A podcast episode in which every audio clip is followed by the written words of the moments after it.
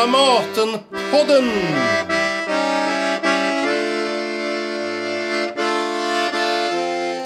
Välkommen till eh, Dramatenpodden. Jag sitter i Dramatens ljudstudio. Jag heter Anneli Duva och jag har mitt emot mig, men på coronasäkert avstånd, författaren Kristina Sandberg. Välkommen hit Kristina! Tack så mycket! Mm. Och du är ju författaren till eh, den trilogi om hemmafrun Maj. Att föda ett barn, sörja för de sina och liv till varje pris. Som nu under hösten hade premiär på Dramatens lilla scen med titeln Maj. I dramatisering av Pia Gradvall och Magnus Lindman och i regi av Ellen Lam. Och nu när vi spelar in den här podden så är ju teatern stängd. Men du hann ändå se premiären av Maj under den period då 50 personer fick vara i publiken. Exakt, jag hann, mm. se, jag hann se ett genrep ja. för publik. Ja. Eh, så det var ju väldigt roligt att jag mm. hann göra det. Mm. Eh, och sen så hade jag ju tänkt att jag skulle gå och se den igen och se ja. den med, med familj och vänner och så. Det blev ju inte så, men jag hoppas hoppas, hoppas till våren ja, att det går. Det, det hoppas vi också ja, på kan jag säga. Ingen vet ju ännu hur det blir. Eh, och vi ska prata mer om just scenens maj om en stund, men jag tänkte att vi också skulle prata om ditt skrivande och lite grann också om din syn på teater som författare, så där lite från sidan. Och för de som inte då känner till dig, vilket jag tror många gör, men då ska jag ändå presentera dig bara lite grann och säga att du är född 1971 i Sundsvall. Du är utbildad psykolog. Numera är du bosatt i Stockholm, utanför Stockholm. Du debuterade 97 med romanen I vattnet flyter man. Och sen gav du ut ytterligare två romaner innan du fick ditt stora genombrott då med den här trilogin om Maj. Eh, och de tre böckerna gavs ut mellan 2010 och 2014. Och för den avslutande delen, Liv till varje pris, så belönades du också med Augustpriset. Och sen skriver du också litteraturkritik i Svenska Dagbladet. Är det något mer du tycker att vi ska säga här om dig till att börja med? Nej, nu, nu under sommaren har jag halkat in på mm, handledarjobb på Linnéuniversitetet på kreativt skrivande, så det är också det får väl läggas till den här skrivande verksamheten. Ja, ja. Det är ju många författare som jobbar med skrivarkurser också, ja. så att jag handleder några studenter. Tycker du om det? Ja, det gör jag. Mm. Det gör jag verkligen. Det började jag egentligen med redan jag gick ju litterär gestaltning mellan 2000 och 2002, så då började, började jag på Nordiska eh, folkhögskolan i Kungälv och, mm. och jobba på skrivarkursen. Mm. Det, jag ser det hänger väldigt nära ihop, skrivandet och läsandet. Och, ja liksom det pedagogiska i skrivandet. Men vi kanske ska börja där då. Jag hade tänkt börja med att fråga om bakgrunden till trilogin om Maj, men vi kanske ska gå direkt på det, mm. bakgrunden till att du alls är en skrivande person. Ja, ja men det kan vi, det kan vi absolut göra. Mm. Eh, jag tror att det började så eh, att nästan på en gång när jag lärde mig att läsa, att jag kände att det var någonting speciellt. Att, att bli speglad, att eh, få gå in i andra världar. Alltså, upptäckte nog tidigt läsandets, läsandets magi och även att jag tyckte om att bli läst för också när jag var ännu yngre. Eh, så jag, jag är en av de här författarna som drömde om att bli författare, som skrev det i mina, de här Mina vänner-böckerna på framtidsyrke och mm. så.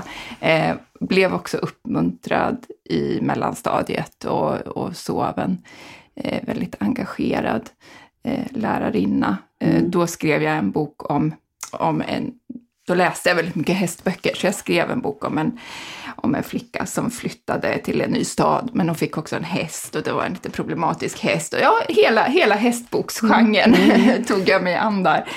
Um, sen kom ju högstadiet och gymnasiet då, då mer liksom självtvivel kommer och det kanske inte såg som lika självklart att det skulle vara någonting möjligt. Fast jag, jag släppte nog aldrig tanken. Men mm. däremot så la jag också till måleriet och tecknandet som jag också hade hållit på med. Så att jag, då fanns liksom det där, ja, mm. konstnär, författare. Mm. Eh, så jag gick konstskola efter gymnasiet i Umeå i två år. Eh, men det var där jag kände att måleriet, jag tyckte väldigt mycket om att måla, eh, men jag målade mycket figurativt och det var inte riktigt, såg inte riktigt ut så på konstscenen på, på tidigt 90-tal. Så jag kände liksom det där med performance och, och liksom mer abstrakt konst var inte riktigt mitt uttryck. Så jag, då märkte jag att skrivandet kom mer mm. naturligt. Så jag började gå Skapande svenska i Luleå på distans medan jag gick konstskola. Mm. Och där tog mitt skönlitterära skrivande liksom fart. Mm. Året men när gick du psykologutbildningen då? Ja, ja, när kom den? Jo, men för då, alltså Skapande svenska i Luleå var väldigt bra, för då, då ja, men jag kom ju igång att läsa andra också, att man läste texter under arbete och hittade andra som skrev eh, och, och, blev läst själv. Så det var väldigt bra. Eh, och där fick jag också reda på att det fanns andra skrivarkurser som man kunde gå ett helt år, så jag sökte Biskops Arne och, och då var det kanske inte lika svårt att komma in. Jag kom in där och, och började skriva min debutbok och där insåg jag att jag ska skriva. Så det var liksom, jag tänkte mm. jag ska skriva, men det, jag insåg också hur svårt det, det kan vara att försörja sig på skrivandet och, och tänkte att ja, men då måste jag hitta ett yrke som jag kan förena med skrivandet och eh, så att jag kan jobba halvtid och skriva på halvtid oavsett om jag blir publicerad eller inte. Så att då, och då, först så var jag lite inne på journalist, men, men då var jag väldigt blyg fortfarande och hade ganska mycket telefonskräck, så jag tänkte att hålla på och jaga människor mm det kommer inte ligga för mig. Och då tänkte jag psykolog, då får jag berättelserna men människorna kommer till mig. så att jag tänkte det är ett, det är ett, bättre, det är ett bättre yrke. Mm. Så, att då, då, så jag sökte psykologutbildningen mm. efter Biskopsholme och läste också litteraturvetenskap. Ehm, men sen så fick jag ju faktiskt min första roman antagen då. Jag hade inte gått så länge på psykologutbildningen så att jag var ju självklart, jag tänkte självklart att jag skulle gå färdigt psykologutbildningen och så, det var aldrig något snack om det, men, men jag delade liksom psykologstudierna med skrivandet mm. direkt. Mm. Men har det funkat sen då? Har du hunnit jobba alls som psykolog? Alltså eller? jag har ju jobbat försvinnande lite ja. faktiskt, ska mm. jag säga. Jag, jag hade turen att dels jobba med forskning efter utbildningen i ett genusprojekt. Så att jag, jag jobbade ju med mina andra hjärtefrågor, liksom feminism och genus och könsmaktsteorier och, och så. Eh, samtidigt som jag gick litterär gestaltning, så jag jobbade deltid då i det projektet. Och sen eh, så gjorde jag min PTP-tjänst, som är som läkarnas AT-tjänst, på Psykoterapiinstitutet, som mm. inte finns längre tyvärr, för det var ett fantastiskt ställe där de flesta var psykoanalytiker eller psykodynamiska psykoterapeuter mm. som med fokus mycket på unga vuxna. Så mm. då jobbade jag ju heltid under det året mm. med forskning. Och sen jobbade jag, liksom har jag jobbat extra på somrarna när jag skrev trilogin med ätstörningar. Mm. Så jag har jobbat med och behandlat liksom i, i på Capio, mm. Eh, ätstörningsklinik. För, för, ja. Och sen har jag inte riktigt jobbat så nej, mycket mer. Nej. Men det är också intressant för det säger ju någonting. Det finns ju en koppling där till det du har skrivit om. Alltså kvinnans roll och drömmar och önskningar. Det här att, att också ha tidigt en idé om att du vill skriva men ändå också behöva gardera sig. Tidigare var det att inte komma loss från hemmet. Ja. Och, nu handlar det om att, att ändå inte, det är stora drömmar att, ja. vilja, att vilja bli ett konstnärligt yrke. Ja. Och jag ska säga mm. det, för det, det, när jag gick, när jag gjorde min PTP-tjänst på Psykoterapiinstitutet så hade jag ju många psykoanalytiker som handledare och så. De uppmanade mig att gå, liksom söka psykoanalytikerutbildningen och så, men de, jag gav också ut ta itu då. Mm. Eh, och det var ju inte ett lika stort genombrott som Maj-trilogin, men det, var, det hände ganska mycket med Ta itu mm. också. Och, och då vet jag att det var några, ett par manliga psykoanalytiker som sa att men är inte du författare? Mm. Och, det, då, och då, det slog an någonting väldigt så här att kan jag få lov att vara det? Mm. Bara. För jag ser det nog mycket som att jag har tänkt att det där att få skriva, det är liksom en gåva att mm. få göra det och då måste man också betala tillbaka. liksom med någon. Men sen började jag tänka, varför tänker jag så? Mm. Alltså, men, men det gjorde jag. Ja. Men för där är det ju också, där är det en kvinna, fast det är på 70-talet mm. utspelar sig den. Ja. Men en en kvinna som känner sig fast i familjen. Jag, jag läste om början på den, jag läste ja. den när den kom ja. nu och då såg jag, att det här är ju jätteintressant för då, det börjar med att hon har varit med en annan man helt mm. enkelt. Men också så hinner hon få ett samtal från sin egen mamma mm. och där mamman börjar säga att hon behöver frosta av frysen och, och, och, och, du har väl gjort det här och det här i hemmet. Så det är ja. så tydligt att det finns också den där just den där bilden redan där av hemmafrun i någon mening, fast i en mycket senare tid. Absolut. Eh, och, och dina två första romaner handlar ju om yngre, alltså om mm. flickan och puberteten och mm. hästgemenskapen just. Mm. Jag, jag kommer ihåg dem också, alla vi som har varit hästflickor mm. kan, mm. kan känna igen. Men, så att du har ju gått en, en väg liksom också i tiden och även i huvudgestaltens åldrande kan man säga. Med Maj gick du ju tillbaka till ett tidigare skede i historien men du följer ju henne också mycket, mycket längre. Ja. Mm. Men vägen då till, till Maj, det låter ja. ju som att det finns en logisk väg när jag beskriver ja. det så här. Ja, ja men alltså det som, det som var med, jag har nog alltid förhållit mig till litteraturen litteraturens maktordningar också. Alltså att ganska snart när man kommer in i, i liksom redan på Biskopsarne, kanske redan på Skapande svenska, så om man inte har fått med sig det sådär självklart från början, alltså min mamma jobbar som kanslist på bibliotek och var en läsande kanslist så, så att hon, jag var ofta med henne när hon hade kvällspass också så. Så det fanns ju mycket böcker hemma, jag läste mycket och hon läste mycket. Eh, men om man inte har liksom den här självklara akademiska bakgrunden och så, så så slår ju den här världen emot den med liksom, ja, men vad är det som gäller, vilka ordningar, vilka författarskap är viktiga, vilka är inte viktiga. Eh, både du och jag har pratat om Moa Martinsson och det har liksom slagit mig hur, alltså vi pratade aldrig om Moa Martinsson på Biskopsarne till exempel, medan de andra 40-talisterna och så var självklara. Mm. De var några man skulle förhålla sig till, som, som liksom diskuterades, medan mina, så att 40-talister i, littera, i, litteratur. I litteratur, ja. Liksom, Precis, de som verkade ja, på 40-talet. Ja. ja, och ja. som liksom var viktiga mm, författarskap då mm, mm. fortfarande mm. på 90-talet och, och, och sådär. men jag tänkte, varför pratade vi inte om, om Moa Martinsson egentligen? För det var också då Ebba Witt-Brattström kom med Eh, sin bok om henne. Sin bok om henne mm. och ur könets mörker också. Så, mm. så att det, det, det, fanns ju, det, det fanns där som ett parallellt spår. Men så det jag tror jag fick syn på redan där var det var också då var estetiken att skriva prosa, lyrik stark och jag ville liksom skriva en roman, en debutroman, så jag vet att jag hade ett samtal med Ingmar Lemhagen som var en av mina lärare Eh, väldigt bra lärare, men jag, jag kände ju sagt det, det är punktromanen, det är prosalyriken, mm. Marie Lundqvist, alltså det var, det, var, det var det som gällde. Och så tänkte jag, men om jag gör det här, liksom prosan hade inte liksom riktig mm. status, då, då, det vill jag ändå göra. Och, och så vet jag att Ingmar sa, pratade om punktromanen med mig på avslutningen och så till, då, jag var ju väldigt ung då, så jag blev lite förbannad till slut och sa, men Ingmar, jag kommer inte skriva någon punktroman. Just nu i alla fall.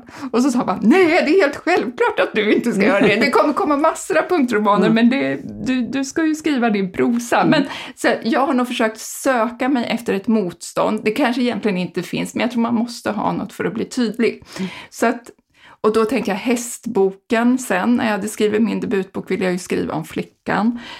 Um, att hon fick vara en subjektiv röst. Det finns ju jättemånga sådana skildringar tidigare, men det var bara det att det var inte de man pratade om. De fanns liksom inte i det offentliga samtalet på samma sätt som många uppväxtskildringar om, om pojkar och män. Liksom så. så att, eh, och sen tänkte jag, jag har läst hur mycket som helst om fotboll och fiske och bandy och så, men var är, var är hästarna i vuxenlitteraturen? Så det var mm. därför jag ville skriva om ridläger. Mm.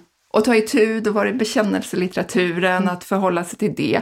Och sen då när, när jag hade gått litterär gestaltning och skrivit Ta itu där och hade Inger Alvén som handledare och, och, det var fantastiska år på litterär gestaltning med den diskussionen om litteratur och estetik och, och allt, allt liksom. Men, mm. men då var ju Monica Fagerholm verkligen på modet. Och, och, vi gjorde, jag och Annika Korpi gjorde ett arbete om diva inför klassen och vi mm. träffade Monica Fagerholm också och Tuva Forsström. Vi mm, var på mm. författarbesök i Finland och sådär. Och, och jag hade läst Underbara kvinnor vid vatten i, i Sveriges Radios romanprisjury ja. och förordat den som vinnare. Den vann inte det året, men jag älskade hennes författarskap.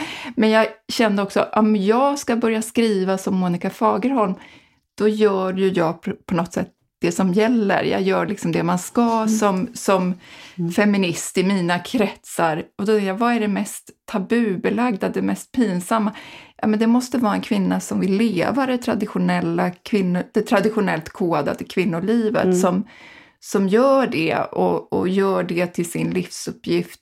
Och då hamnade jag hos hemmafrun mm. och tänkte att men det är en lika intressant berättelse som den, den om kvinnan som bryter sig loss. Ja. Jo, så, men, så, så kom jag ja. liksom dit. Jo men för det fanns, du sa det, jag tror att det, är, det var i Babel när du pratade om Moa Martinsson, mm. om vad som hade påverkat dig. Så sa du just, uttryckte du det som att det var en bekräftelse på att mina berättelser räcker, på att det går att göra litteratur av allt. Och det där tycker jag är så, det är ett väldigt, väldigt betydelseladdat citat, åtminstone för mig. Mm. För jag tror att det är oerhört viktigt tänker jag, när man kommer till den punkten. Mm. Det, för det är lite som att hitta hem. Mm, eh, absolut.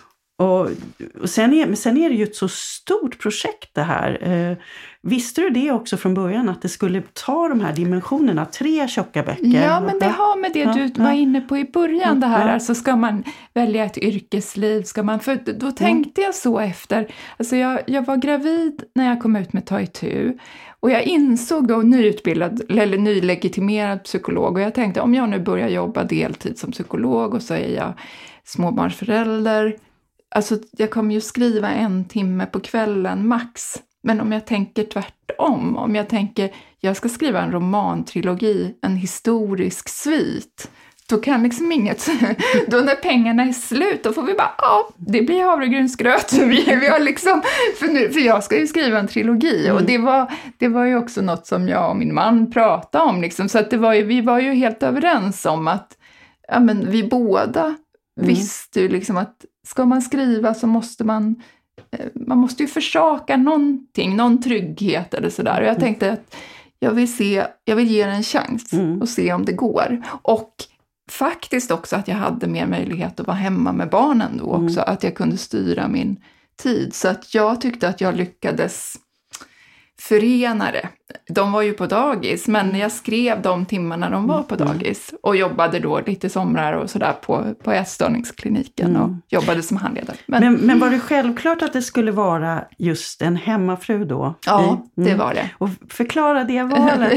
Ja. ja, men det valet har mycket med med min mormor att göra och min farmor också. Men, men jag, jag tror det har med mitt eget föräldraskap att göra också, att jag, att jag tänker att livet är väldigt mycket omsorgsarbete, alltså även för oss idag. Det är, det är liksom det livet till stora delar består av. Även om vi gör karriär och gör andra saker så är det liksom en del av verkligheten.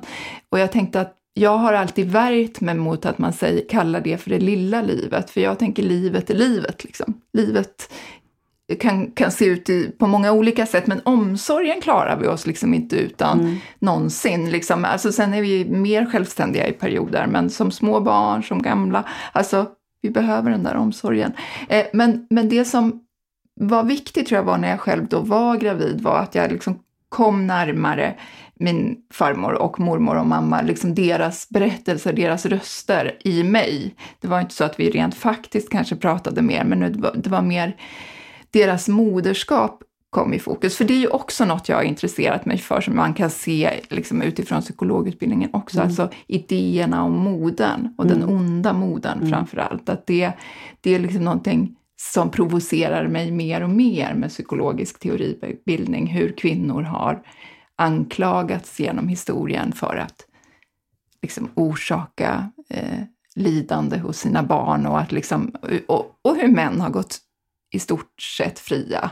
Eh, inte helt liksom, men, men och en del, alltså det, och då vill jag liksom skilja på det här om man, om man verkligen far illa i familjen av liksom, men det här att per automatik att det är mamma, och mamman är för närvarande, för frånvarande, hon kan liksom aldrig göra rätt. Mm. Eh, för jag tycker det är hemskt att tänka hur de kvinnor som liksom anklagades för att ha orsakat sin sina barns autism till exempel. Och idag vet man att det är en neuropsykiatrisk liksom, det, det, det, är en funktionsnedsättning, eller det, det, det, är ingenting man kan liksom skapa på det sättet. Så att, så att mm. moderskapet, eh, omsorgsarbetet och sen mormor och farmor och mm. deras liksom, berättelser om sina liv. Och de hade ju varit hemmafruar på olika sätt.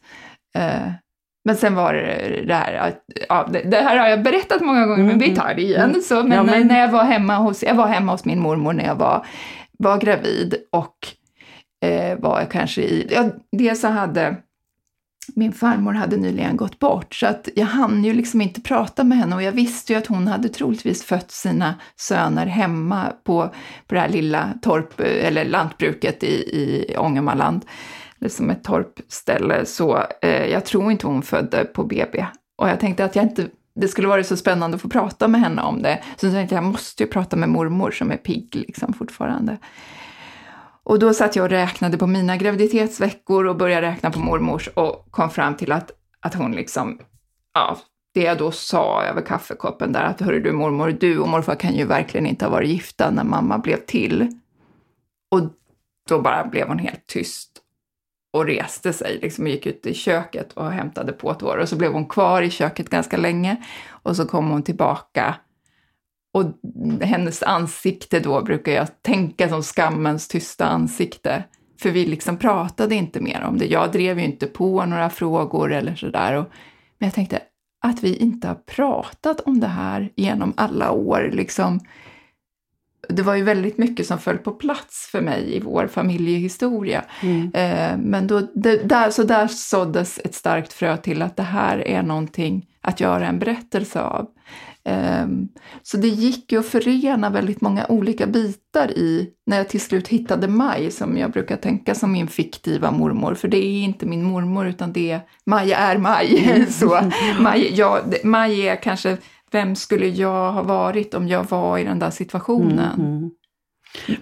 Men det, och det är också att det var så otroligt vanligt. Ja, så vanligt. Alltså hur vanligt som helst. Ja. Är det någonting jag har fått av mm. läsare är det ju. Och vissa har kunnat få mer stöd för det mm. och liksom ha, det har inte varit så allvarligt, liksom. Mm. föräldrarna har inte reagerat så starkt. Men andra har ju riktiga mardrömsberättelser mm. om hur de liksom skickas bort från familjen, alltså så sent som på 60-talet mm. alltså.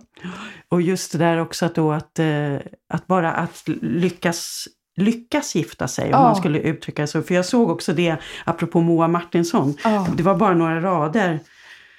Men just där det står så här, bära barn i lugn och överflöd, skåpen fyllda med linne, stora bak av pösande färskt bröd. Oh. Det är så otroligt att det är en vision. Ja. Så långt kan drömmarna sträcka ja. sig. Exakt. Liksom rent, att man har att äta och man ja. har det rent ja. och det är lugnt. Ja. ja.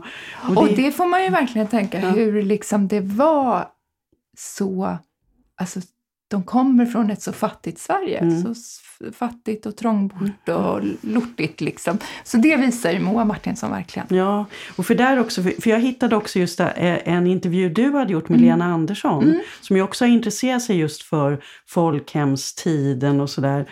Och, och då säger du i den där intervjun, om jag får läsa, för det, var, det sammanfattar också en massa att eh, när jag skrev min trilogi om Maj blev det mer fruktbart för mig att förstå Maj utifrån ett idéhistoriskt perspektiv än att hålla mig enbart till en psykologisk förståelsemodell. Hennes städande kan förklaras utifrån klass och tidsandans idéer och en erfarenhet av smuts och fattigdom, precis det vi sa nyss. Då, Och hennes barnuppfostran, du tangerade ju det här också, är också den starkt präglad av tidens tankar om vad som skulle skapa duktiga, dugliga och robusta arbetsmänniskor som varken skulle skämmas bort med beröm, du ska inte tro att du är märkvärdig. Eller kroppskontakt. Livet är inte bara njutning, det är hårt arbete och slit. Och sen så går du vidare och pratar om att det kanske är det generationernas tragik, att vi föds i en tid då ett visst sätt att vara förälder anses vara det rätta och goda. Och sen kommer nästa generation med en helt motsatt syn. Och så anklagar man varandra individuellt istället för att se de historiska orsakerna till olikheterna. Att man inte har fått höra sina föräldrar säga ”jag älskar dig” betyder inte självklart att de brustit i omsorg. Mm. Där sammanfattar du också en hel epok ja. faktiskt i... Och, och liksom det jag tror, det det finns så som jag har förstått det när jag har skrivit trilogin och det det finns en sorg i är ju att Sen kommer nästa generation och, och, med de psykoanalytiska idéerna, anknytningsidéerna och så börjar den föräldragenerationen att krama, att säga jag älskar dig och då sitter ju de som inte har fått höra det och tänker vad var det för fel på mina föräldrar som mm. aldrig sa det? Mm. Vad har jag vuxit upp i för kyla och, och liksom eh, med vilka umbäranden och så. Och, och så tänker jag att det blir ju egentligen inte så bra för någon att, att liksom enbart tänka mm. så, utan att tänka kanske att kärleken såg ut på andra sätt.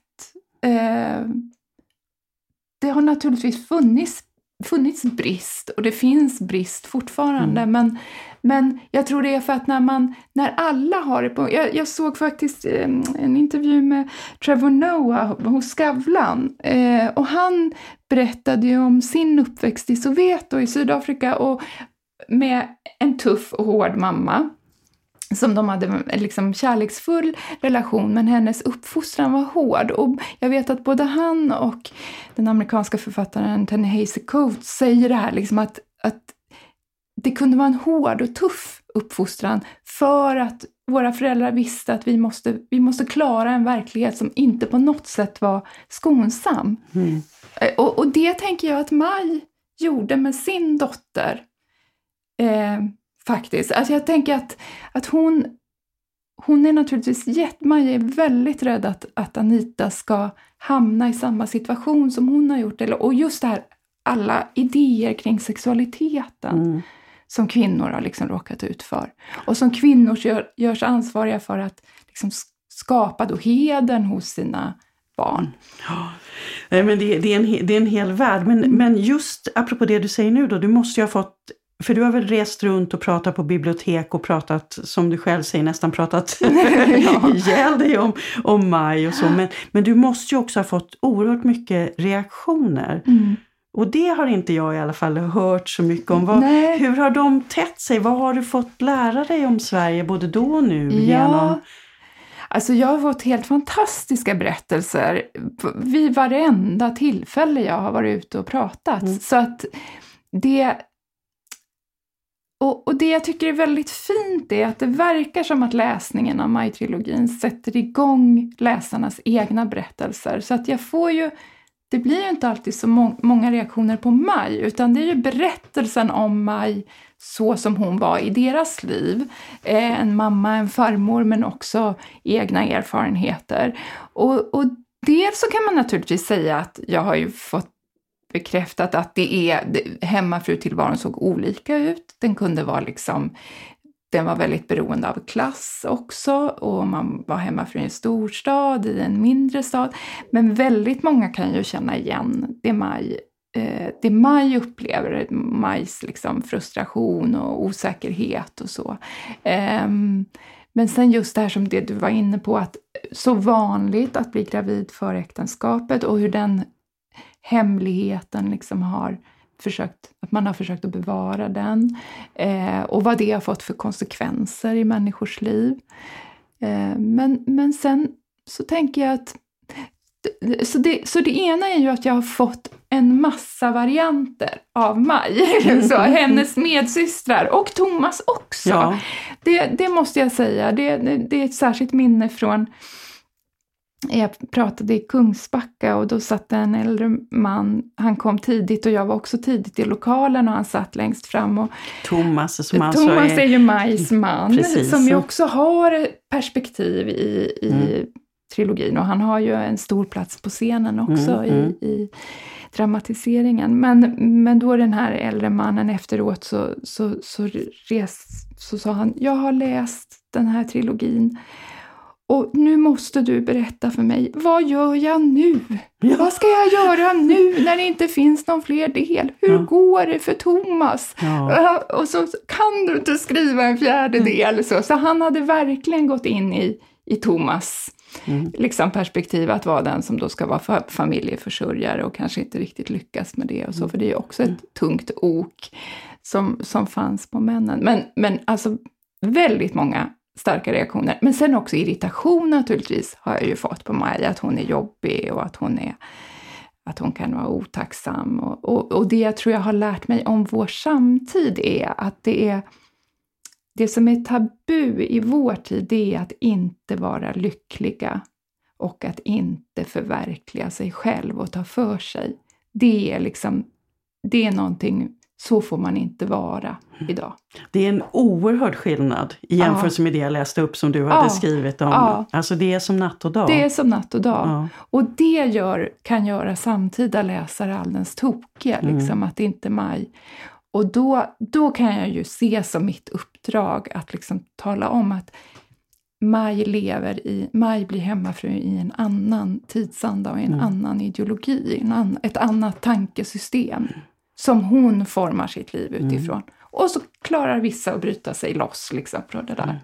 Men när, när du skapade trilogin då, eh, var du väldigt tydlig redan på förhand vilken tids, alltså när tidsepoken skulle ta? Du ja, hade bågen jag hade, en, jag hade en annan båge. Ja, okay. ja. jag hade en båge att jag tänkte att Anita skulle göra en abort. jag tänkte det skulle sluta där.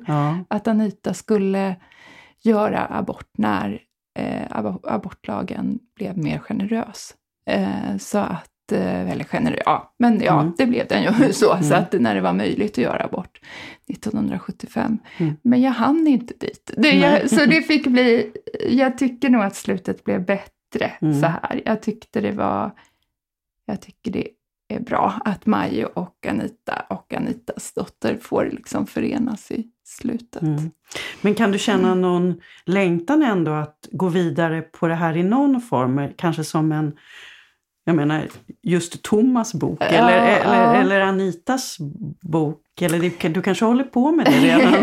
Nej men jag ja. är nog ganska färdig med det här eh, på ett sätt. För att det det, det, det, finns ju en annan språklig struktur i romantrilogin och det är att den är, den är fiktiv och den skriver, man kan ju säga att den skriver sig fram till berättaren föds. Mm. Så den är skriven fram till det som berättaren inte har varit med om. Mm. Eh, så att det blir en annan berättelse mm. om man skulle ta hänsyn till att liksom skriva det som, det som berättaren själv har varit en del av. Mm, mm. Fiktionen blir liksom nödvändig mm. för att pussla. Mm. Eh, jag, jag, skulle väldigt gärna återvända någon gång till en åldrad Maj, för den berättelsen är ju kanske ännu mer liksom osynliggjord på ett sätt. Liksom mm. när, när hon inte längre när liksom hemmafruuppdraget är slutfört, som det ju blir i, i romantrilogin och också tiden. Mm. Tidsandan springer ifrån Maj, men hon fortsätter ju att, leva och verka och mm. utöva omsorg och så i många år till. Mm. Eh, så någon gång kanske jag återvänder. Ja, men för det är ju den där stora stoltheten, hennes stolthet, ja. att hon är ju så oerhört kapabel. Ja. Eh, och sätter en sån ära i att verkligen sköta allting perfekt. Ja. Och det kan hon ju inte från början, för nu har vi inte nämnt alls att det finns den här klasskillnaden då, att Maj faktiskt gifter upp sig med Thomas som är äldre och som är från en familj som har det gott ställt. Mm. Sen visar ju han sig vara har problem, mm. att han dricker helt enkelt och mm. inte riktigt är så bra på affärer heller. Nej. Så att, eh, det... Nej, och där tänker jag mm. faktiskt också, mm. det är ju min tanke kring mm. Thomas, att han är också ett slags... Äh, ja, men, strukturerna förändras ju efter, efter andra världskriget. Den där typen av småskalig hantverksproduktion fungerar inte längre. Eh, och, och då måste man ju kanske vara... Jag delar ju inte den politiska åsikten att alla kan vara entreprenörer. Mm. Så, så att det, det är väl, där ser man ju olika på saker. Men Thomas känner ju väldigt starkt tvånget att vara entreprenör. Men jag brukar tänka på honom, han är Han är den ofrivilliga entreprenören som i smyg drömmer om att bli lektor i historia. Jo. Och det är vad han skulle ha velat. Mm. Och filosofi. Och filosofi. Ja. Och det skulle han ju kanske ha kunnat. Idag skulle han mm. ju ha kunnat det. Mm. Men för honom, med hans bakgrund, var det ett jättestort steg att liksom tänka sig att läsa vid universitetet. Mm. En, nästan en omöjlighet, skulle mm. jag säga. Så att, så att det är ju... De hamnar i det här, de lever sitt liv i mm. den här tiden som gör att förutsättningarna blir som de blir för mm. dem mm. två, Maja och Thomas. Men för, vi, vi, måste ju då också prata lite om den, den, den sceniska Maj. Ja. och, och, och jag tänkte, vad, vad, går du mycket på teater? Tycker du om teater? För, ja men det gör ja, jag. Ja. Eh, jag. Jag är ju inte en sån här väldigt flitig teaterbesökare, men det, det är omgångar. Jag tänker på, när, jag, när jag fick frågorna i förväg från mm, dig mm. så tänkte jag att ja, men det är klart att Ja, dels så är, är ju jag, liksom andra i min generation, man är uppvuxen med Lars Norén på TV och TV-teater. Alltså, så det, det fanns ju en helt annan teater. Man blev ju liksom... Eh, det, det bara fanns ju där som en mm. självklarhet. Mm. Eh, och sen så när jag flyttade till Stockholm på 90-talet så gick jag mycket på teater. Och, och i perioder, nu har ju liksom barnen varit små, jag har varit ute och rest mycket, så, att, så jag skulle säga de senaste åren har det blivit mer igen. Mm. Eh,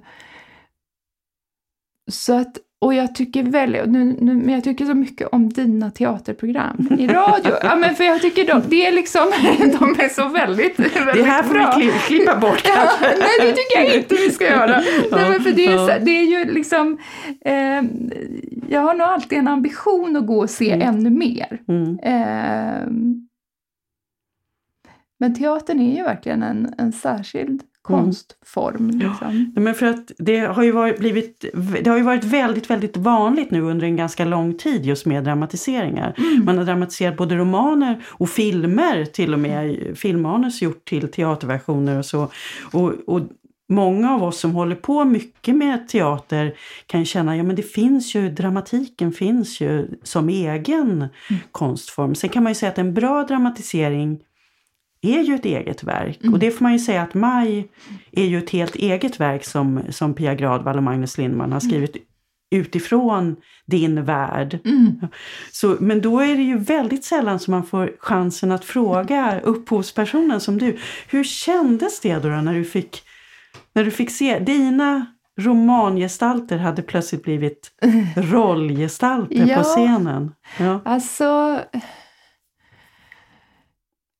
du var ju med en, en del, alltså du har ju fått en fråga att de, ja, från början. Att exakt, ja. men och från början när jag fick frågan så tänkte jag ju att, eh, att det var väldigt, väldigt roligt att, att framförallt för att Maj, det finns en scen i romantrilogin där, där Maj är gammal och där hon eh, har fyllt 90 och hon klingar i glaset för att hålla ett något tal eller tacktal. Men istället så ställer hon sig upp och sjunger Vill ni se en stjärna? Så se på mig. Och det, det, alltså det finns ju i Maj en dröm om att ta plats. Mycket av den här frustrationen som finns inuti Majs huvud är ju det här att hon inte känner sig erkänd och sedd. Så den där att det känns ganska naturligt att hon ska få vara på scenen. Så tänker jag, för att det är ju det, hon får ju ta stor plats i min romantrilogi. Det är ju viktigt att det är många sidor Maj. Men sen tänkte jag ju att vilken utmaning de står inför att dramatisera. För hur gör man? Vad gör man av Majs inre?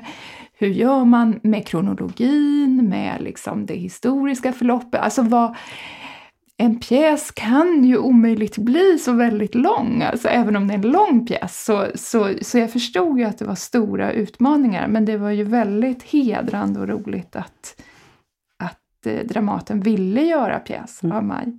Och sen när jag när jag, liksom, eh, när jag såg Maj på scenen. Så det, det, som, det som blev väldigt starkt för mig när, när jag såg skådespelarna gestalt. Dels så blir ju de, de blir ju självständiga personer. För det är klart att jag har en jättestark bild av vilka mina Maj och Thomas är. Mm. De kan liksom inte ifrågasättas på ett sätt, de är där. Så det här är ju en, det är ju en variant av mm. Maj och Thomas som kommer på scenen. Eh, så det som framstod starkt och som man ju kanske inte kan se i böckerna men som finns i böckerna är ju den liksom, tystnaden som finns mellan gestalterna. Eh, att även om de pratar, hur de liksom inte, genom de här monologformerna, att de, eh, det blev väldigt starkt och sårbart i, i skådespelarnas kroppar. Att liksom det, det fysiska avståndet och att, att på något sätt det fick ju gestalt, hur det här som är i Majs huvud inte hörs utåt. Mm. Det är ju där inne liksom. Mm. Eh, och det är ju vad jag får förklara för läsare ofta, liksom att men, de här kursiva sakerna, det är ju i Majs huvud, det är ju ingenting hon säger till någon annan. Mm. Och vad vi har i våra huvuden, det tror jag de flesta av oss mm. har en massa stök i, mm. i tankarna. Mm. Liksom. Eh, så det, och sen var det ju väldigt fint med scenografi, med mm. kostym, med musiken. Alltså, och jag hoppas ju att ensemblen, det var väl min, min önskan var ju att ensemblen och att Ellen Lam och att alla som jobbar med mm. produktionen skulle mm, liksom ha roligt, vara nyfikna, känna att materialet, att liksom mm. tillåtelse att göra något av materialet. Eh, så att, eh, och det kändes så när jag såg mm. föreställningen, som om de hade haft en bra så tänkte jag mm, när jag mm. såg det. Sen har jag ju bara sett den en gång, ja. lite i, i chock, så, eller chock, men liksom lite, det är lite skakigt så mm. ändå. Eh, Ja, men jag har hört ett rykte att du, att du skrev ett brev till skådespelarna ja, efteråt. Ja, det gjorde jag. För att du blev väldigt berörd. Ja, ja. absolut. Och, absolut. och det är ju det jag verkligen också har fått eh, syn på i hela den här processen är ju skådespeleriets och teaterarbetets utsatthet och det som är varför jag är författare är ju för att man är solitär i det, man tar alla beslut själv. Man är liksom, man är både, man är någon slags envåldshärskare liksom i, man vet bara att den text jag lämnar ifrån mig, den kan tolkas hur som helst. Men jag kan, jag kan ju, det är ju jag som tar besluten av vad som ska stå i texten. Mm. Eh, men jag menar, en scenföreställning är ju någonting annat. Det är ju mm. så många som ska vara med. Mm. Jo, och den talar med flera språk. Ja, med alltså. flera språk. Mm. mm. Absolut. Mm. Men du, du nämnde det här med tystnaden, men det var ju något du visste som du tyckte blev tydligt. Var det också någonting du såg som, som blev synligt för dig som du inte riktigt hade väntat dig? Alltså blev du... Ja, men alltså om man säger, jag visste ju i den mån, liksom de versioner jag hade läst av dramatiseringen att, att det fanns en annan båge i pjäsen. Det, fanns ett, det är ju ett fokus på Maj och Anita som ju finns i romanerna men i romanerna är det liksom... Det är ju in, det är inte, jag skulle inte ens säga inbäddat, utan det är, det är andra saker som finns parallellt med det. Mm. Eh, så, att, så att det, det blev ju en liksom, det, det blir ju liksom förstärkt på scenen. Eh, och att, att, att, Anita också är enda barnet. Mm. Så, på scenen, på scenen ja. Mm. så blir det en... en som det, det, inte är i romanen. Som det inte är i romanerna. Mm. Eh, så blir det ju liksom en eh, förstärkning, eller vad man ska säga. Men det, det kan ju låta så... Eh, jag, jag, tänkte på det när jag fick den här mm, frågan mm. i förra, för det är ju klart att jag, att jag skulle gärna säga att jag, att jag lär mig någonting om mitt manus, men det är klart jag håller på med det här sedan 2008 det är ju lite ja. som att jag, jag, är, jag är så inne i min egen text. Så det jag lär mig, skulle jag nog säga, mm. det var lite grann där jag pratade om hur, hur läsare reagerar. Att, att jag tänker att Pia Gradvall och Magnus Lindman har börjat berätta sin historia genom mina böcker. Mm. Och sen kommer Ellen Lam och berättar sin historia genom mina böcker. Och sen mm. kommer Ellen Jelinek som Hannes Meidal ja, som gör Maj och, Thomas och de andra skådespelarna som gör ett fantastiskt jobb. Och, mm. och, liksom så, så att, och så måste det vara, för det mm. kan inte vara på något mm. annat mm. sätt. Um, så, då, så det jag har fått syn på är ju vad de vill berätta mm, om sig själv, själva genom Maj och Thomas. Så skulle jag faktiskt säga att, att, att det är. Ja. Och så tänker jag i allt skapande. Så det är också så när journalister skriver texter, alltså jag kan ju se att ja, men journalisten berättar också om sig själv. Men genom mig. Mm, så. Mm. Det, det, det är väl så språket, språket mm. och gestaltningen ja, funkar. Precis som du säger att du berättar också om dig. Genom, I maj, ja, definitivt. Ja, mm. ja men, men det är ju det också som är fantastiskt med, med teater, att mm. det kan laborera med alla. Ja, exakt. Med ljud och bild och ljud kropp. Och, ja, absolut. Och koreografin och hur de rörde. Alltså, det, det är ju kanske, i, i, min värld så är ju Maj, alltså för det måste ju få, hennes osäkerhet måste ju få gestalt och det, det tycker jag Ellen Jelinek gör jättefint mm. med hennes gång liksom mm. som, är, som är lite knölig mm. så. Mm. För att i, i min värld är ju Maj det är ju där hon har sin stolthet, att hon liksom vet att hon kan sträcka på sig, hon har sina snygga ben och sådär. Mm. Så, men om hon hade gjort det på scenen så hade man ju kanske inte förstått knöligheten som finns inuti. Mm. Så att det var ju en väldigt fin gestaltning mm. av, det, av Majs inre. Mm. Ja, vi får hoppas att den får komma tillbaka i vår. Det är ju ja. många som vill se den ja. här uppsättningen eftersom många ja. har en så stark relation till, till Maj. Men, eh, men vad, vad skriver du på nu då? Vad, vad, vad gör man efter? det är ju speciellt nej, men när man, att göra ett så stort, ungefär som han, mannen som sa till dig, vad ska jag läsa nu? nej, men vad ska jag göra nu när man har gjort ett så stort verk? Ja, nej, men det blev ju speciellt för jag jobbade ju så mycket med att vara ute och prata om mm. trilogin i två år år efter, efter Augustpriset. Eh, och sen 2016 så då jag tänkte att nu börjar det ändå lugna ner sig, jag ska, nu, nu kan jag nog börja skriva något nytt, så, så, så dog min pappa oväntat och jag diagnostiserades med, med aggressiv bröstcancer efter. Eh, så det har mm. varit tuffa år. Mm. Liksom. Och svärfar har dött och svärmor har dött. Så vi har, mm. vi har, familjen har varit pressad. Eh, så det jag har skrivit nu under de senaste, förutom då att jag har gjort jag har ju skrivit kritik och gjort, gjort en hel del samtal eh, om, om andras verk, vilket jag tycker är väldigt roligt. Att in, inte, bara, inte bara göra maj, liksom, utan, utan prata om andras texter och så. Eh, men jag har skrivit om något autofiktivt om, de här, om den här tiden. Mm. Om behandlingen och om, om eh, ja, pappas och farmor och farfars ställe som vi har sålt och liksom den sorgen. Ja, ja. Mm. Så att, och det, det, tanken är att det ska komma ut i vår. Då får vi hoppas på det. Ja. det. Det finns nog många också som längtar efter en ny Kristina Sandberg. Ja, det här är ju något, det är, det är något helt annat än maj, men det mm. går ju inte att göra en ny maj. Nej. Det är ju bara så. Mm. Mm. Måste ju frigöra sig mm. från... Mm. Men det har varit en fantastisk... Alltså det är ju... Jag tänkte, jag, jag, alltså den här veckan och nästa vecka gör jag tre intervjuer om maj. Ja. Och det är ändå 2020 nu. Alltså det är ju det är många år sedan senast ja, sista delen kom ut. Och 2020 är det och det, vi lever i den här pandemin. Hur, ja. hur har det gått för din del? Många författare kan ju säga att ja. det funkar ovanligt bra. Det är inte ja. så stor skillnad nej. för författare som för andra. Är, är det så för dig också? Eller? Ja, nej, men jag har jobbat, jobbat kopiöst mycket eftersom jag, jag har handlett på, den här, eh, på kreativt skrivande och, och skrivit recensioner mm. och försökt bli färdig med eget manus och så. Så att mm. jag, jag är väldigt lyckligt lottad i det, att mm. kunna jobba online. Så. Precis, det är det du handleder via ja, Zoom eller Ja, något. precis. Mm. Och, och till och med bara skriftligt och så ja. några få föreläsningar via Zoom. Ja, men det är så. Det är många, många av de här...